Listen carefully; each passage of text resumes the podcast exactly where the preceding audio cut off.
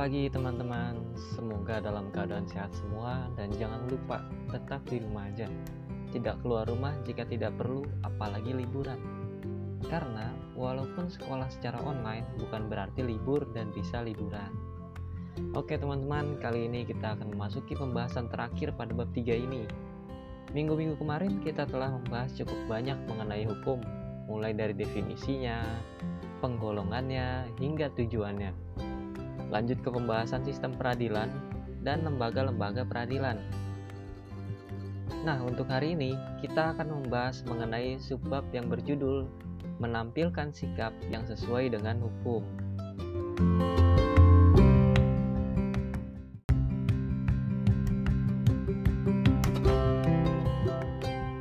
Sebelum membahas lebih jauh mengenai sikap yang sesuai dengan hukum, maka saya ingin teman-teman mengetahui terlebih Menurut Suryono Sukanto, kesadaran hukum sebenarnya merupakan kesadaran atau nilai-nilai yang terdapat di dalam diri manusia tentang hukum yang ada. Nah, berbicara mengenai kesadaran, pasti berkaitan dengan yang pertama, pengetahuan. Pengetahuan tentang hukum yang berlaku. Lalu, pemahaman terhadap isi hukum yang berlaku. Selanjutnya, sikapnya terhadap hukum yang berlaku, bisa menolak atau patuh terhadap hukum.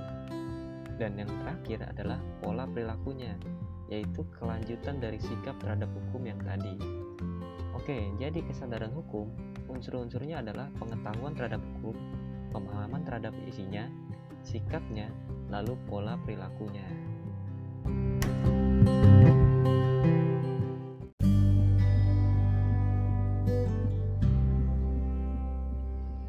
Mari kita memasuki materi kali ini dengan pertanyaan: mengapa kita harus menyesuaikan perilaku dan bersikap positif terhadap hukum?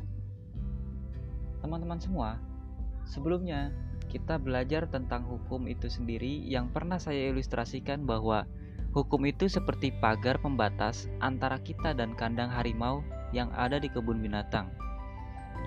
Perilaku dan sikap positif yang harus kita lakukan demi keselamatan kita untuk menghindari terkaman harimau adalah dengan tetap berada di belakang pagar. Artinya, dalam kehidupan bermasyarakat, hal yang kita harapkan adalah kehidupan sosial yang damai, aman, nyaman, tentram, dan sejahtera.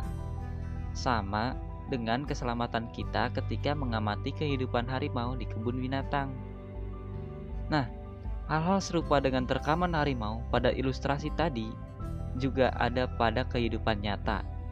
Misalnya, perpecahan, keributan, ketidakharmonisan, bahkan perang, dan masih banyak lagi. Maka dari itu, kita harus menyesuaikan diri dan bersikap positif terhadap hukum supaya kita merasa aman seperti ketika melihat harimau di kebun binatang tadi. Nah, taat atau patuh terhadap hukum merupakan salah satu tindakan positif yang dapat kita lakukan, baik taat terhadap hukum tertulis maupun hukum yang tidak tertulis seperti hukum adat. Kita juga sering mendengar kata-kata di mana bumi dipijak, di situ langit dijunjung. Jangan lupakan hal ini juga ya, karena Indonesia ini luas. Siapa sih yang gak mau jalan-jalan keliling Indonesia? Nah, jangan sampai dilupakan kata-kata ini di mana pun kita berada. Tingkat kepatuhan terhadap hukum biasanya sejalan dengan tingkat kesadaran hukum, walaupun pada beberapa kasus tidak selalu seperti itu.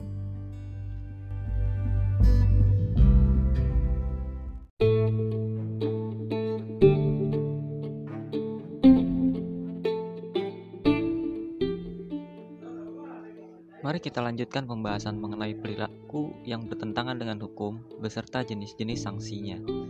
Perilaku yang bertentangan dengan hukum itu dapat muncul dari beberapa faktor. Misalnya, karena ketidaktahuan terhadap hukum yang berlaku atau kesadaran hukum yang rendah dan akhirnya melanggar. Ada pula pelanggaran hukum yang si pelanggar sudah mengetahui tindakan yang melanggar hukum, tetapi tindakannya ini sudah dianggap kebiasaan bahkan kebutuhan. Contohnya, koruptor. Mereka pasti berpendidikan tinggi dan sadar hukum. Mereka pasti sudah mengetahui bahwa tindakan korupsi melanggar hukum. Tapi mereka tetap melanggarnya. Dalam sejarah, tidak ada kan petani yang tidak sekolah yang berkorupsi. Nah, pasti semua berada dari kalangan elit yang memiliki pendidikan tinggi dan pasti sadar hukum. Selanjutnya, kita akan berbicara mengenai sanksi. Berbicara mengenai sanksi, maka kita akan diajak flashback ke pembahasan mengenai norma-norma. Pasti sudah pernah kan? Paling tidak di sini kita ambil contoh norma agama, norma kesusilaan, dan norma hukum. Nah, dari norma-norma ini kita dapat lebih mudah melihat bentuk-bentuk sanksi. Ada yang langsung dan tidak langsung, seperti sanksi pada norma agama yang tidak langsung, yaitu akan didapat nanti pada kehidupan selanjutnya atau setelah kematian. Berbeda dengan norma hukum yang sanksinya langsung, artinya setelah melalui proses persidangan dan difonis hakim, langsung mendapat sanksi dari perbuatan melanggar hukumnya.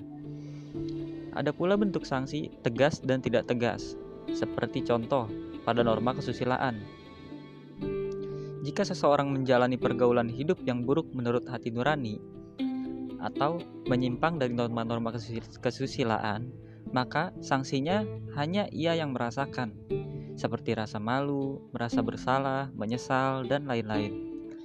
Berbeda dengan hukum yang sanksinya tegas, jelas, memaksa, dan mengikat bagi siapa pun yang melanggar tanpa terkecuali. Oh iya, tapi ada satu hal yang saya ingat, kebetulan tadi disinggung mengenai norma kesusilaan. Jadi ada tindakan yang melanggar norma kesusilaan tetapi justru harus disanksi secara tegas pula, yaitu mengenai pelecehan seksual yang merupakan tindak asusila atau menyimpang dari norma kesusilaan. Karena jika dibiarkan dan tidak ditindak tegas, maka jumlah korbannya semakin bertambah. Oke, singkat saja mengenai itu, nanti terlalu melebar ya pembahasannya. Nah, sanksi dari norma hukum itu juga dibagi menjadi dua, yaitu hukuman pokok yang terdiri atas A. Hukuman mati dan yang B. Hukuman penjara terdiri dari hukuman seumur hidup dan hukuman sementara waktu setinggi-tingginya 20 tahun dan sekurang-kurangnya satu tahun. Nah, untuk kawan-kawan ketahui juga, jika di bawah satu tahun bukan disebut penjara, tapi disebut dengan kurungan. Lalu Hukuman yang kedua adalah hukuman tambahan yang terdiri dari pencabutan hak-hak tertentu. Yang kedua, perampasan atau penyitaan barang-barang tertentu. Dan yang ketiga, pengumuman keputusan hakim yang biasanya ada di kasus hukum perdata.